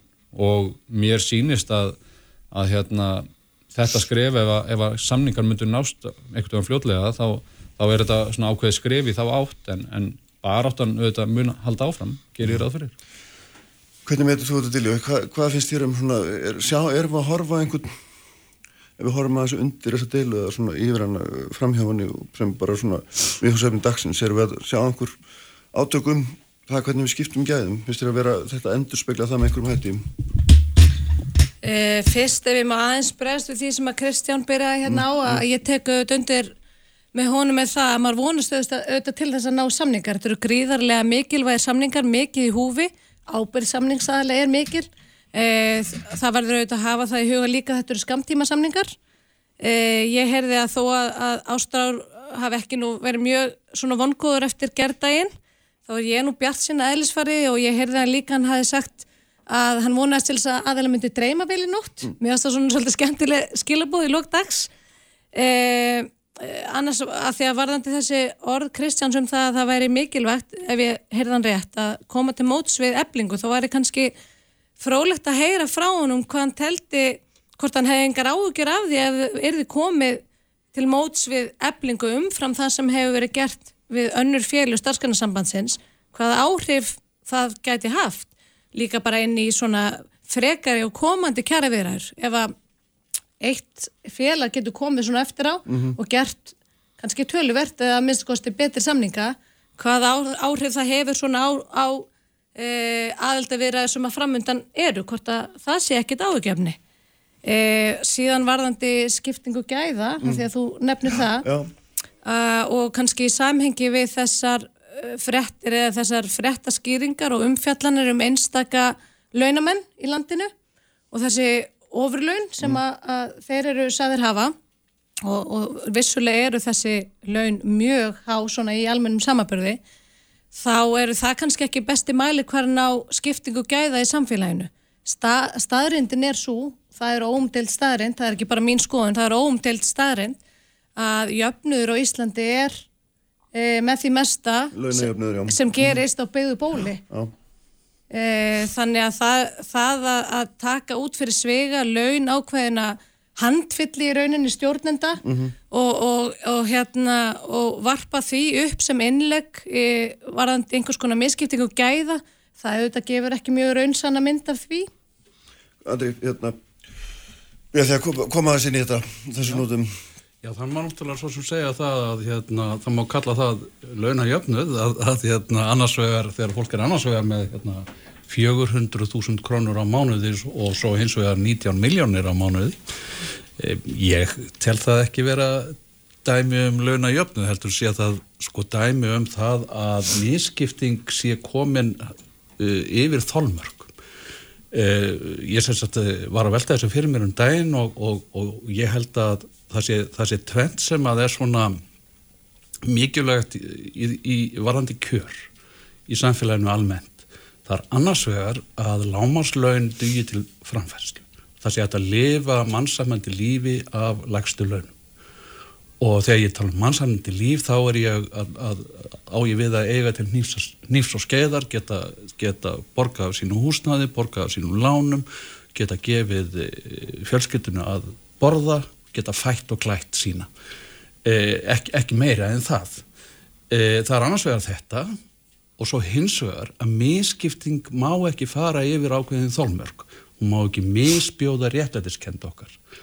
Og þegar það gerist þá, þá fer að krauma reyði í samfélaginu og eh, einn byrtingamind slíkra reyði í samfélaginu er verkfall. Mm -hmm og ég tel að þetta verkfall og, sem að viðrist vera í aðsíði aftur núna sé byrtingarmynd á ástandi frekar en í sjálfur sér aðgerð sem framkallar ástand ef þið skiljið hvað, hvað ég er að reyna að segja mm -hmm. það er að segja uh, ég tel að, að það fólk sem að nú er reyðbúið að leggja á sig verkvall og það er heilmikið að leggja á sig það fer enginn gladur og, og, og syngjandi í verkvall þannig lagað hvað sem líður á, öllum áróðri e, það fólk sem er núna reyðubúið að leggja þetta á sig að fara í verkvall því er einfallega svo misbóðið að það vil e, leggja mikið á sig til þess að breyta þessu ástandi mm -hmm, mm -hmm. Kristján, þetta svaraða eins og þú ferði annaði hérna því sem til ég var að nefna Já, einmitt, varandi, hú veist, ef við byrjum á einmitt ofurlaunum stjórnundar, mm. bara byrjum þar uh, finnst okkur það eðlilegt í þessu samfélagi, þessu litla samfélagi að það sé þetta mikill munur á launum þeirra sem eru með lægstu launin, sem eru á lægstu kjörunum og síðan þeirra sem eru að, að hérna, stýra fyrirtækjunum uh, að þeir séu í miljónum eða tug miljónum á mánuði. Veist, er þetta eðlegt og hvernig eru við sem samfélag að takast á við þessa þætti? Uh, hvernig eru við að takast á við þá þætti í samfélaginu varandi fjármagseigandur sem að ekki hafa kannski launatekjur en lifa engungu af fjármagninu? Uh, eru við að skatleggja þetta þennan hóp með uh, sangjöndum hætti fyrir samfélagið á meðan að fólkið sem er á legstu laununum er að greiða hluthanslega háa skatta af sínum tekjum uh, sem eru auðvitað líka hluti af þessu vandamáli sem við erum að glíma við. Ég held að þetta sé eitthvað sem við þurfum að, að fara svolítið djúft ofan í, bara hvernig ætlum við að takast á við það að það er, sé verið að greiða ofur laun hér á Íslandi og síðan hvernig ætlum við að skatleggja fjármagnið. Uh, uppbygging samfélagsins skiptir þar auðvitað, og hérna gríðarlega miklu máli. Og ég er alveg sammála að Guðmyndi andræði með það að, að veist, þetta, við erum svolítið þarna. Veist, það er verið að tala um það hvernig ætlum við að skipta þessari köku sem við erum með í höndunum mm. þessum auðæfum sem samfélagi skapar um, og við erum raun og voru að segja að það er ekki og hefur ekki verið rétt skipt. Og þessu þarf að breyta. Uh, varandi samningana núna ef, að, ef það er gert eitt í þessum samningum versus eitthvað annað í öðrum samningum uh, það eru auðvitað alltaf þannig að uh, bara ef við tökum kjæra samninga 2019 hérna svokvöldu lífskjæra samninga þar er náttúrulega, þetta voru rosalega góðir kjæra samningar fyrir þessa hópa hér á landi skiluð miklum verðmættum og, og þar auðvitað komu, húst, var ákveðin hópur sem að gerði kjærasamlingin en síðan komu fleiri hópar á eftir og það er alltaf, einhver getur alveg orðið frábröðin kjærasamlingur að einhver leiti, mhm. einhver svona frávik sem að er til þess að mæta þörfum. En spurningin snýst vantarlega um það að frávikin eru veruleg, hvað áhrif það hefur, skilju. Auðvitað, ég gerur það fyrir að það sé það sem að, hérna, akkurat, akkurat, kveiki vangaveltuna. Akkurat, og þá er það spurning, er verið að tala um veruleg frávik? Ég bara, nú veit ég það ekki og ég held að við ættum bara að sjá hvað kemur upp. Nógu mikil eru þau að mistu til þess að efling vill ekki samþykja hins samningin? Já, uh, hú veist, erum við að tala um, já, við að tala um 10-15 skrónur eða við að tala um eitthvað mikið meira, veist, það veit maður ekki, við þurfum bara að sjá hvað mm, kemur. Mm -hmm. En ég hef svona skinnjað að það sé vera að vinna með uh, eitthvað sem að fangar betur stöðu hópsins hérna í Reykjavík Uh, en þetta er auðvitað eitthvað sem að þarf auðvitað bara að meta og ég menna ef, ef það kemur eitthvað meira þá, þá, þá munu... Það styrir ekki aðtöðasendur við það að það sé gerðið mísjöfning kjærasamningar á milli landsluta uh, að þessum fórsendur sem hérna eru lagt upp Já, nú skulum við bara aðeins rýna í það, veist, er verða gerðir mismöndi kjærasamningar, hvaða áherslur verða? Það, það skiptir, það skiptir máli hvað kemur Þú veist hverju óskinni er um sérstaklega álag á höfuborgarsvæði og ég er að spyrja þessum fórsta allþýðisabansið sem er allt allsýðabandið, allt Ísland hvort, hérna, hvort er höfnið svo leið? Ég er ekki kannski að segja að eigi að vera mismundi lámaslögn eftir landsvæðum, nei mm.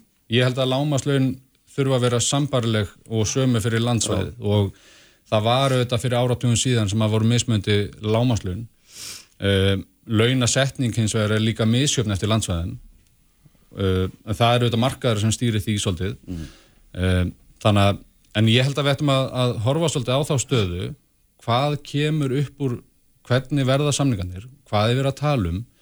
Uh, og ef að það kemur meira í þessum samningum auðvitað mun það eflaust mm. hafa áhrif annar staðar þegar að næst verið sami og nú er stutt í að verið sami eftir Já, já, akkurat, hérna tölum aðeins meira um misskiptingum geðina mér finnst það svo áhugavert Já, já, já. Það sé að, hérna, mér finnst það Þannig andri kemur góðan punkt, ég menna við erum að tala um laun sem að geta nöfnið alltaf 90 miljónar krónar á mánuði og, og svo 400 úrskalli. Og að tala um jöfnuð nota það orði í sömu setningum Já, ég bara, ég bara ítrekka það að mér finnst það ekki gott dæmi um misskiptingu gæða mm. að taka út fyrir svega handfytti stjórnenda í einum geira uh, sem eru með mjög, mjög há laun í almennu samanbyrðu, það verður ekki um það deilt. Um, um, um að Já, það er kannski ekki mitt að meta. Þetta eru þetta kjör sem að stjórnir þessar fyrirtækja meta. Ég. Og, og, hérna, og þar eru við fulltrúar almenningsauðvitað með sinn fulltrúa, lífeyrsjóðnir er auðvitað fulltrúa stjórnir þessar fyrirtækja Og ég held að það sé alveg tilumdi til þess, sérstaklega þegar við erum með svona viðkant ástandi í samfélaginu, að byðla til þessara stjórnenda, þessara sem taka þessara ákvæmnar að gæta hófs í hækkunum. Eh, en, en hins vegar eru þetta ekki góð dæmi að taka eh, varðandi misskiptingu gæða í samfélaginu. Eh, hér eru við með eitt mesta, ef ekki mesta jöfnu sem finnst hér á Íslandi og, og, og þeir sem fá mestu hlutild í verðmætasköpunum sem að greitt er í heiminum. Svo staður uppi hér. Mm -hmm. Uh, og mér langaði aðeins að bræðast við því sem að Guðmundur Andri sagði hér varðandi það að framfæslan ætti að döða fyrir legstu launum. Mér langaði að taka svo heilshugar undir með því og nefna þrjá punta í því samengi. Í fyrsta lagi, þá er staðan svo hér á Íslandi að hér eru við með uh, ein hæstu, ef ekki hæstu laun að byggðu bóli.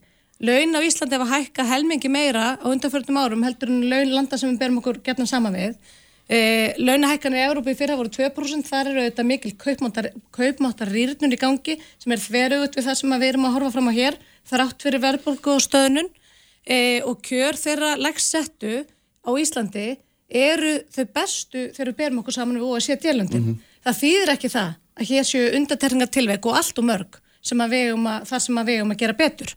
Í öðru lagi eh, þá getum við hækka laun endalust af því við erum að tala um launahækkana, við erum að tala um kjærasamninga en það má sín mjög lítils ef að framfærslan heldur bara áfram að hækka mm. og við, þetta er auðvitað kapplöp sem við þekkjum mjög vel hérna á Íslandi í, sög, í sögulegu mm. samhengi e, og þess vegna langaði mig svona aðeins til þess að velta því uppkort að við værum kannski að horfa á þetta aðeins út frá vittlisum enda því að auðvitað ætti markmið bara að vera það að bæta kjör þeirra versettu, þeirra leggst launuðu raunverulega þannig að raunverulega launin vera dyðu fyrir framfæslinu og við ættum þá kannski að horfa hans á framfæslu þættin þáttinn. Og Guðmundur Andri og, og, og Kristján held ég báðir hafa nefnt hér húsnæðskostnæðin og þar eru auðvitað ábyrð sveitarfélaga mikil ekki síst sveitafélags, langstærsta sveitafélags á landinu sem er Reykjavíkuborg og í þriðja lagi, af því að það er líka verið að tala um hérna skattkerfi í þessu samengi þá tel ég að vera, og við ættum að ræða mun meira í þessu samengi, hvernig við getum bætt kjör þeirra legslönu raunverulega með, einmitt með því að beita skattkjörun áfram eins og við höfum verið að gera með því að lækka álögur á þá legslönu og það hefur auðvitað verið stefna mm. þessar ríkstjórnar til þess að kaupmáttur þeirra haldi áfram að aukast eins og hann hefur verið að gera því að kaupmáttur þeirra legslönu hann hefur aukist miklu, miklu meira heldur en annar að tekja tínda og það er mikilvægt að vera haldið að við höldum þeirri þróun áfram. Og ég held að við getum öll verið saman um það. Mm -hmm. Ég held að þú ætlar að fara að tala fyrir hérna eður mm -hmm. þú, þú var svona á leiðinni wow. og, og hérna, það var eiginlega svona hinn lógiska niðurstað Það hefur verið rosalega óvænt afstæð En sko ég finnst um velt fyrir mér hverjir eru viðsemjendur forstjórana E, það eru hérna við höfum e, sko það, það, það eru, það eru hérna e, kjara samningar og, og þeir fara fram með tilteknum hætti og, og hérna og það, það er samið um laun og kaupa kjör hver semur við forstjórnuna e, e, um kaupa kjör? Er bara, já en er það ekki eiginlega bara forstjóra á félagið? Eru þeir ekki í rauninni bara að semja við sjálfa sig? Er ekki í þessum stjórnum meru minna einhverjir aðilar sem eru sjálfur fórstjórar einhver starf annar staðar og, og taka sjálfur mið af þessum launakjörum og þannig svona geta þeir, í, í, í, geta þeir sko tekið alltaf til sín stærri og stærri hlut. Lífeyrisjónar eða þar fulltrúa? Já, en það eru líka, þeirra fulltrúar eru, eru kannski bara fórstjóra líka, sko. Mm -hmm. e, e, þetta er nú eitt. E, varðandi, hérna, ég er ekki vissum að það eigi að vera mikið ágjöf hefni að, að ebling nái, nái góðum samningi fyrir, fyrir aðra. fyrir önnur verkefælisfélag viða um land heldur, heldur eigi það frekar að vera fagnæðar ég held að verkefælisfélag viða um landi frekar að hafa kannski áhugjur af, af forstjórasamningunum e, og e, ég held að sko e, ólíkar aðstæður, það, það ríkja ólíkar aðstæður um alland og öllum stöðum og það kallar alltaf á ólíkar lausnir og það, þetta eru svona ólík úrlausnarefni á, á, á, í, í, í Reykjavík eða á Blöndósi það, það, það, það eiginlega segir sér sjálft. Og mér fann svolítið strax í byrjun að sko ebling var ekki virt viðlits það var einhvern veginn bara henda og borðið hérna, þetta er samningur sem við búið að gera, gjöru svo vel skrifið undir hérna. Hér er, hér er lína mm -hmm. sem þið er skrifið undir. Og, og þannig, það er náttúrulega setur ekki góðan tón í, í, í kjaraviðræður og það er ekki alveg kjaraviðræður og, og, og og ég skildi vel hvers vegna e, fórusta eflingar gæti ekki setið undir slíku og þurfti að e, grípa til aðgerða. Og þegar að efling grípur svo til aðgerða þá er einhvern veginn reynd að sko komast fram hjá fórustu eflingar beint að félagsmönnum með, með þessari miðlunatillögu Uh, þannig að fórstæflingar er ekki virt og hennar umboð til samninga er ekki virt. Og þetta voru held í stóru mistökin sem að, sem að voru gerð í aðdraganda þessari deilu og þess vegna hefur ástráður líka núna talað um að, að hérna, það hafi mikil tími farið til spillis og þessi mikil vinna sem sé eftir og mm. þarfram eftir göttunum. Mm. Já, akkurat. Hm. Já, uh, Mér langar aðeins að bregðast við með svona kaupmáttar og, og svona þetta umhverf okkar. Taland um efruðsvæðið, það sem að nágrannlöndinu okkar eru uh, og svo staða sem eru uppið þar. Mm. Uh, við þetta höfum, það tók okkur eitthvað sjö ár, eða 2015 er við í raun og veru að ná þeirri stöð að vinna upp kaupmáttarskerðingu sem að við fengum í fangið í hrunnu það er ekki, ekki fyrir enn 2015 sem að okkur tekst að vinna það upp eftir, eftir já, erfið ár. Uh, kaupmáttur sem betur fyrr tókst að aukast í kjölfar þess en hvað, veist, hver er staðan sem hjá okkur í dag og hefur verið í gegnum tíðina við búum við verulega mikil, miklar breytingar útgjöldum ár frá ári uh, horfum á stöðu stýrivaksta í dag stýrivextir hjá okkur hafa hækkað markvallt á við það sem hefur gerst á öðrum löndum. Uh, heimili landa í kringum okkur. Uh, horfum á Danmörku. Danmörk greip til þess að grípa til leigubremsu vegna hárar verbolgu og mikill að hækkana. Til þess að stýðja við heimilin, til þess að komi vekk fyrir það að, að kaupmáttar brunin eða semst staðan er erfiðari en alltaf og þannig að það er verið að grípa til svona aðgerða sem að við höfum ekki náða að gera hér á landi. Það hefur ekki verið stíðin í markaðin með þessum hætti að, til þess að standa vörðum heimilin. Uh, hækkun vaksta háverbolga með verðtriði lán veist, hvað þýðir þetta fyrir heimilin landinu eignir fólksins er að brenna upp uh, útgjöldin hjá þeim sem eru með óverðtriði lán með breytilega vexti þau eru aukast og aukast all verulega. Það eru risastóri hópar sem eru að, að fá breytingar á vöxtum á þessu ári sem að hafa verið með fasta vexti á overtröfum lánum. Þau eru að fá þetta í fangið á þessu ári, uh, jáfnveil tvöfaldar greiðslubyrðið í lána og hvað á að gera þarna? Uh, Löndin í kringum okkur, þau sem betur fyrr búa við þá stöðu að vextir eru tiltula lágir og, og svona kerfin þeirra halda betur auðvitað fólkið. Þannig að þetta er, veist, þetta eru atriðið sem að mér finnst skipta veruleg miklu máli að við erum sífælt að elda skottu á okkur hvað þetta varðar. -huh. Að útgjöld okkar aukast verulega í þeim óstöðuleika sem við höfum búið við. Okkur, okkur þarf að takast að komast inn í, inn í betra kerfi. Er þú þá farin að koma að tala inn í öfrunar núna? uh, við þurfum að ræða þetta betur henni. Já, hú veist, ég er ekki að segja öfru máli eða þannig, ég held að við þurfum að fara að rína og taka þessa umræðu, mm. veist, hvar viljum við standa uh, og ja. þannig er ég ekki að, að taka stefnu á allþjóðsambansins eða neitt inn í Nei. þetta, þar er þetta bara, við höfum eftir að taka þá umræðu en ég, það sem ég er að benda á við ja. þurfum að komast inn í fyrirkomulag þar sem að byrðunum er ekki sífælt kastað á almenning. Á meðan að fjármagseigendur, ég meina hver er staðan hjá þeim í dag? Stýrivextar hækka þeir sem eiga fjármagnið, þeir fá meiri vexti. Og hvert eru þessir vextir sóttir? Þeir eru sóttir til fólksins sem er skuldsett, sem er að berjast í bökkum og þarf að taka, hú veist, það þarf að koma til mótsvið þann hóp. Já, til að hérna... Það eru auðvitað í fyrsta lagi rámt að byrðun sé varpa hér yfir á almenning.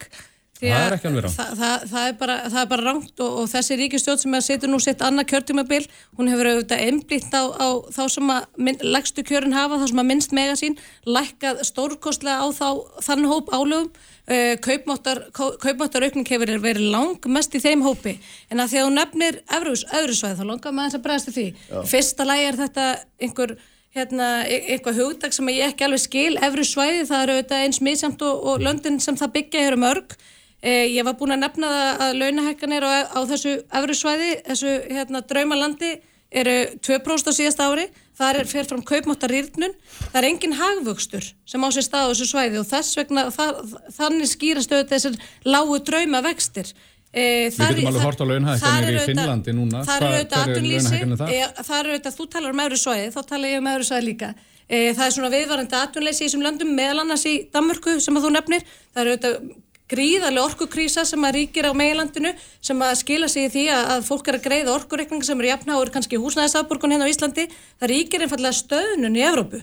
En hvað eru og að gera í og nefnir- orku og bransan? hún nefnir verðbólguna Mm. Þá er auðvitað raforkunnar. verðbólgan á Íslandi með því minnsta sem að gerist í Evrópu það er bara staðrind Já, við, hérna, ég held að komast ekki lengra svo, í svo, og svo Evrópumræðina, sko. Noregur auðvitað ekki svo Noregur auðvitað ekki hluta eurusvæðinu Nei, nei, það er kannski nákvæmlega. bara ágætt að halda því til að að halda því til að hafa Erum við þurfum að fara að loka þessu hérna En, en Andri langar að Evrópa brennur ræða. Evrópa brennur. En, og þá er þetta spurning af hverju er þín orð ekki mín. Já, akkurat. En þarna, já, þetta er áhugavert hvort að þetta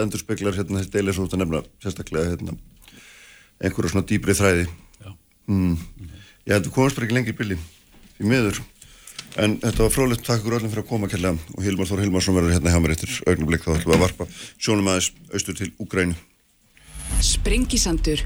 Alla sunnudaga á bylgjunni. Bylgjan, bylgjan, bylgjan, Fréttir, fróðlegur og frábær tónlist. bylgjan. Sælir afturhlustundur, þau eru farin fram með Guðmundur Andrik Tórsson, uh, Diljá með Steinastóttir og Kristján Þóru Snæbjörnarsson vorum að fjalla hér um misskiptingu gæðana eða skiptingu gæðana væri nú betra orða uh, í samfélaginu, svona að reyna að tengja inn í þetta, þessa deilumilli eflingar og samtaka atvinnulífsins sem að sem að núna stendur yfir, en nú ætlum ég að varpa augum uh, austur til Úgrænu uh, Hilmar Þór Hilmarsson, professor á Akureyri er í símanum, sæl og blessar Hilmar Við höfum nú hérna margsinnis rætt þetta mál hérna þessum vettvangi og langaði að gera það eins með þér enn, ein, enn eina ferðinu því að, að hérna 22. februar er rétt ár frá því að innrósin hófst.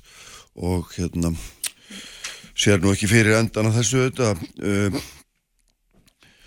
og maður sér að menn eru við að velta fyrir sér hvert að hversu mikil áhrif þetta hefur haft. Hefur þetta breytt heiminum að einhver leiti hvað er svona, þú varpar þínum varpar spökum augum á það svona upphæfum fyrir þetta er opið og, og viðfemt.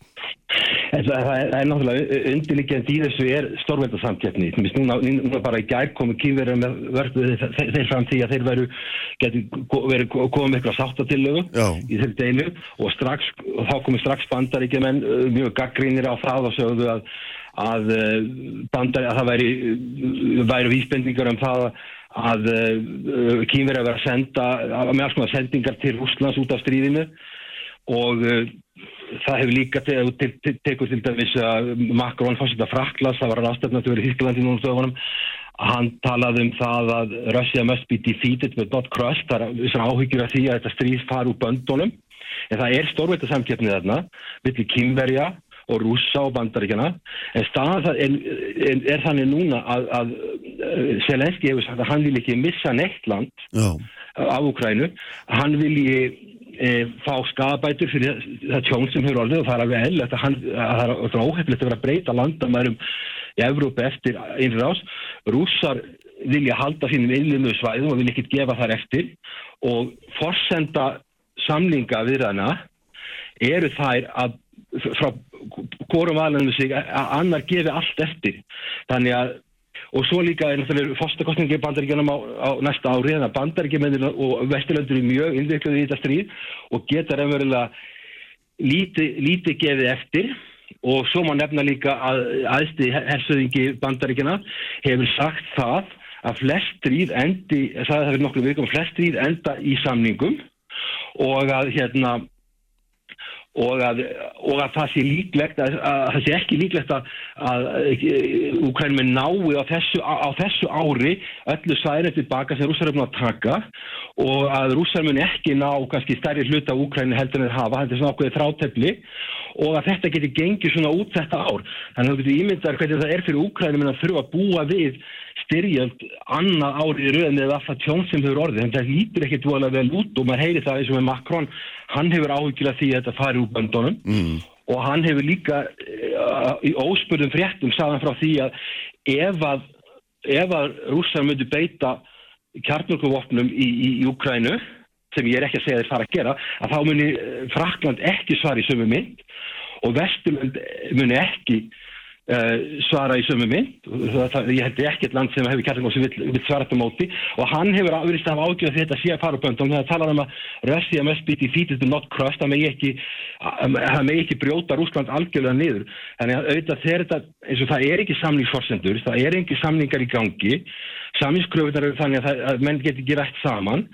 Og, eh, og ef að stríðið dræft á langi þá þarf að vera því meiri líka þetta fari úr böndunum. Og, og svo líka er komið upp staða að Vesturlöndir í þeirri stöðu eh, að, þeirra eigin sögn að þau eru vopna þeir eru að vera búnar og eða, eða það það fara að ganga á þeir miklu hraðar heldur en það er að framlega þær. Og þannig að það er ákveðin hætta, hætta í, í því máli og svo segir sér lenski, hann sagði ráðstöngin Þýskaland núna bara í fyrradag eitthvað styrka að, að stríðinu yrða ljúka þessu ári. Og það fer að vera spurning sko hvena því að sko Rúsland er meira en þrissusunni fjölmennara heldur en Úkræna og eftir því að stríðinu drefta langin þá fer þessi stærðarmunir að skipta máli varðandi að geta mannað herin hjá þeim.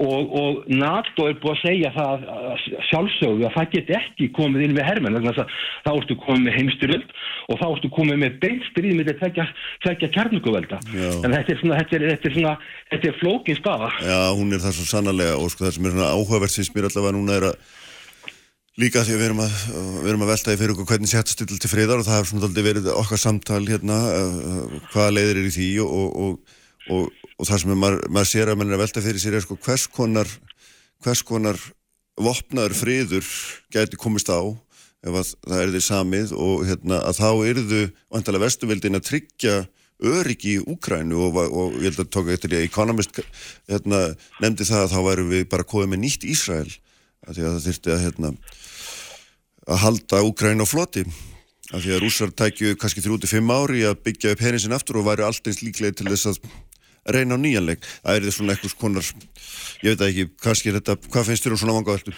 sko vandamáli við það eini aðilin sem getur auðvitað tryggt öryggi Úkrænu er NATO það er eini aðilin sem hefur bara Já, þessu gegnum já. bandaríkin og, og það er NATO hérna það er eitur í beinum rússa en það, sem það þarf að gerast í þessu máli það, það, það, það þarf að ykkur tímpúti að samfæra rússa um það að þeir eru miklu betur settir að eiga góð samskipti við Vesturlönd og í viðskiptum við Vesturlönd.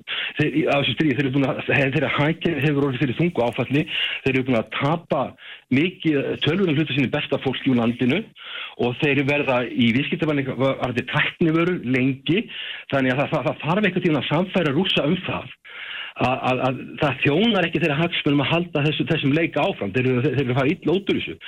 Svo, ekki, svo, svo, svo halda sem mér að, að það sé nóg að fjarlæga Putin úr valdastóli, það sé nóg að leysa málið þannig, það er ekki. Við, við vitum það að, að sendi herra bandaríkjana, Bill, Burns sem er núna yfir með leiðsjóstu bandaríkjana hann kannar þetta þegar maður sendi herra viðþorf elitunar í, í Rúslandi til, Krímska, til hérna Krímskans og til Úkrænu og það er mjög breið samstáð um að, að Rúsland vill hafa áhrif í Úkrænu þannig að spurningi líka með Vesturlönd.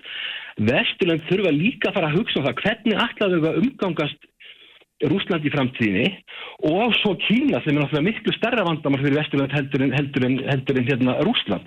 Þannig að þetta er svolítið að báða að bóa sko en náttúrulega rússar, rússar hljóta þeir, þurfa að fara átt að á því að þessi staða og þess að þeir eru komnir í núna er mjög mikið áhugjefni og þegar að, þegar að hérna, fórstuði frakast er að tala um að það megi sigra rússa en ekki það megi ekki rústa Rúslandi, þá er hann bara með áhyggjur af því að rússar muni grípa til svipara aðgerð á bandaríkjumni gerði Japan 1945 til, til að binda enda það stríð. Já, en það sem maður getur svona sagt er að, já, þetta er hérna og síðan maður getur velt fyrir sér sko arleið Putin segja að það, það arleið sem hann er að skapa hún er náttúrulega fyrst og fremst þessi, þessi kúun heima fyrir og svo þessi þessi svona, hvað maður kallaði svona þessi árásun hegð í í alþjóðamálum þar sem maður verið að draga upp þessar skörpu línur á milli milli annars vegar hans og svo bara nánast allra annara Uh, þetta er svona það sem að allavega blasir við að svona hérna, verði hans arleið að óbreyttu? Já, það var hagkerfi fyrir honum er, er í, í mjög slæmri stöðu og, og en sko Vesturlönd hafa svo litið vann með til Rúsland, mér svo að það bara í oktober var sagt, sko, í oktober var sagt að rússar vera, vera búinir með alla sína vopnafyrðir og hérna í byrjun oktober og það, stríðum við til ljúka þannig, en frá oktober í janúar þá eigðurlöðu rússar eiginlega alla orku inn eða orku inn í Úkrænu og, og, og, hérna og, líka vassveitur það er alveg rétt sko að, að Putin og Rúsland er einága gagvart, gagvart hérna sko Vesturlöndum og gagvart bandaríkinum og Evrópu. En sko rússar eru hins vegar ekki einága gagvart Kína eða gagvart Íran sem hefur að skaffa þeim dróna. Þannig að sko Rúsland er einangrað gagvart Vesturlöndum en þegar við tök- tökum BRICS-hópin það sem eru Brasilia, Suður-Afrika, Rúsland, Indland og svo framvegis þa þar er Rúsland ekki einangrað og, og, og hefur Putin náð að beina hérna mikið af sínum viðskiptum sem hann misti í Európa þanga en samt sem áður þá er alveg ljóst að ég held að alveg samninga verið að þurfa að fela það í sig þann skilning í Rúslandi að Rúsland er miklu betur sett í, í, í samvinnu, samvinnu í Vesturlund heldur en að hafa, hafa þetta svona eins og þetta núna. Já, það er, við höfum líka oft verið að ræða því að velta því fyrir okkur bæði famlega og færlega hver raun og veru getur miðla málum og hann og það er eh, mjög flókið að að finna þann aðilega en, en ég meina nú eru kynverið búin að spila út allavega því spili að þeir, þeir muni leggja fram, er það ekki núna bara 2004 að muni leggja fram einhverja miðlunatilugu, sáttatilugu og ég meina þetta er, þetta er nú svona hvernig metur það? Sko, kýmverjar eru, eru með sáttatillugu en það er bara um leið og kýmverjar koma með þetta þá, þá fór blikkan utanríkisráð þeirra bandaríkinn, hann kallar hann disturbing trends in China support for Russia. Hann talar bara, þetta er bara beint tilvægnu bara það væri eh, stuðningur kýmverja við rússa væri mjög trublandi og svo sagði líka fórstætti fransjóðan Erubasambassins að hún sagði að kýmverjar hefði ekki geta lagt fram skotni að sínt fram á og þeir verði ekki að styðja Rússland, Rússland beint í þessu stríði. Þannig það er alveg gríðarlega mikil tortrygni þarna, í, þarna Kína. Og Kína náttúrulega er það land sem hefur þann möguleika er þegar á vissa mælikvarður stærra hækjörðum bandaríkin og eru mikil ógn í, í augum bandaríkina og þú veist náttúrulega líka með Tævandeilina þannig að ef þú ert að hugsa um til dæmis ykkur málamniðlara þá myndi mér þetta frekar í hug land eins og England Já. sem er stærsta líðræðisríki fjölmennsta líðræðisríki í heiminum sem að er í, er í góðum, frekar, frekar góðum samskipti við bandaríkin. Í- og bandaríkin bjóða til dæmis Indlandi og G7 fundi hjá sér Indland er í BRICS samstarfinu með Rúslandi og Kína. Og þannig að sko það er land sem að er og það er alveg ljóst að, að, að, Rúsland og Kína og Bandaríki keppa um velvild Indlands. Þetta er þetta land sem er að verða mjög öflugt og uh, á eitthvað sem er að vera stærri hagkerfi en bandaríska hagkerfi þannig að ég myndi halda að svoleitt land gæti komið inn í því ef, þú spyrir mig hver, gæti þetta verið. En mér finnst Kína svona sko, samkefni villi Kína og bandaríkina er, er á hörð en, en auðvitað þarf að skoða hvað, hvernig hvað Kína kemur með það, ef við erum að horfa á Európa-sambandi núna, eh, uppbygging Úkrænu, þá verður hún mjög erfið og við skoðum hvaða lönd er að komast í Európa-sambandi á ástand Úkrænu, það er allt fátaklönd sem er að reyna að komast að þeim sem eru búin að býða á bylnu 9 til 24 ár að þeirra komast að þeim. Þannig að Úkræn er ekkert að reyna að þeim en Evrópa þarf samt að styðja uppbyggingu Úkrænu og það er spurningi sko hva, hvernig geta, að kynverða geta komið eitthvað að því Já. en þá, þá aftur komum við að því að, að Vesturland, sérstaklega bandaríkin, eru mjög í að, að, að því að fá kynverja mikið inn í Evrópumálinn. Bandaríkin líta á Evrópu sem sitt heimasvæði já, og áhrifasvæði. Já, hérna, já, þetta er, hérna, þetta er allt svo áhugavert, hérna, Elmar, en, við- og, og feikilega flóki og, og hérna, spennandi hvernig þetta þróast alltaf verið gaman að sjá þessa til og, hérna, gaman það verið forveitnilt að sjá til og kínverja. Við, hérna, verðum að láta þessu lokið sinni allavega, við heyrumst, hérna, fljótlega aftur um þetta eins og þú veist. Takk fyrir. Bestu þakkir og hérna verðum að láta sprengisandinu með þetta lokið í dag. Ég veit að við Haldursson stýrið í útsendingunni og hann gerir alltaf. Allt efni á vísi.is, bylgjum.is, uh, í bylgju appinu og hvar veitna það sem þið finnið hlaðvarpa auðvitað. Svo erum við með ykkur aftur hér eftir viku. Verið sæl.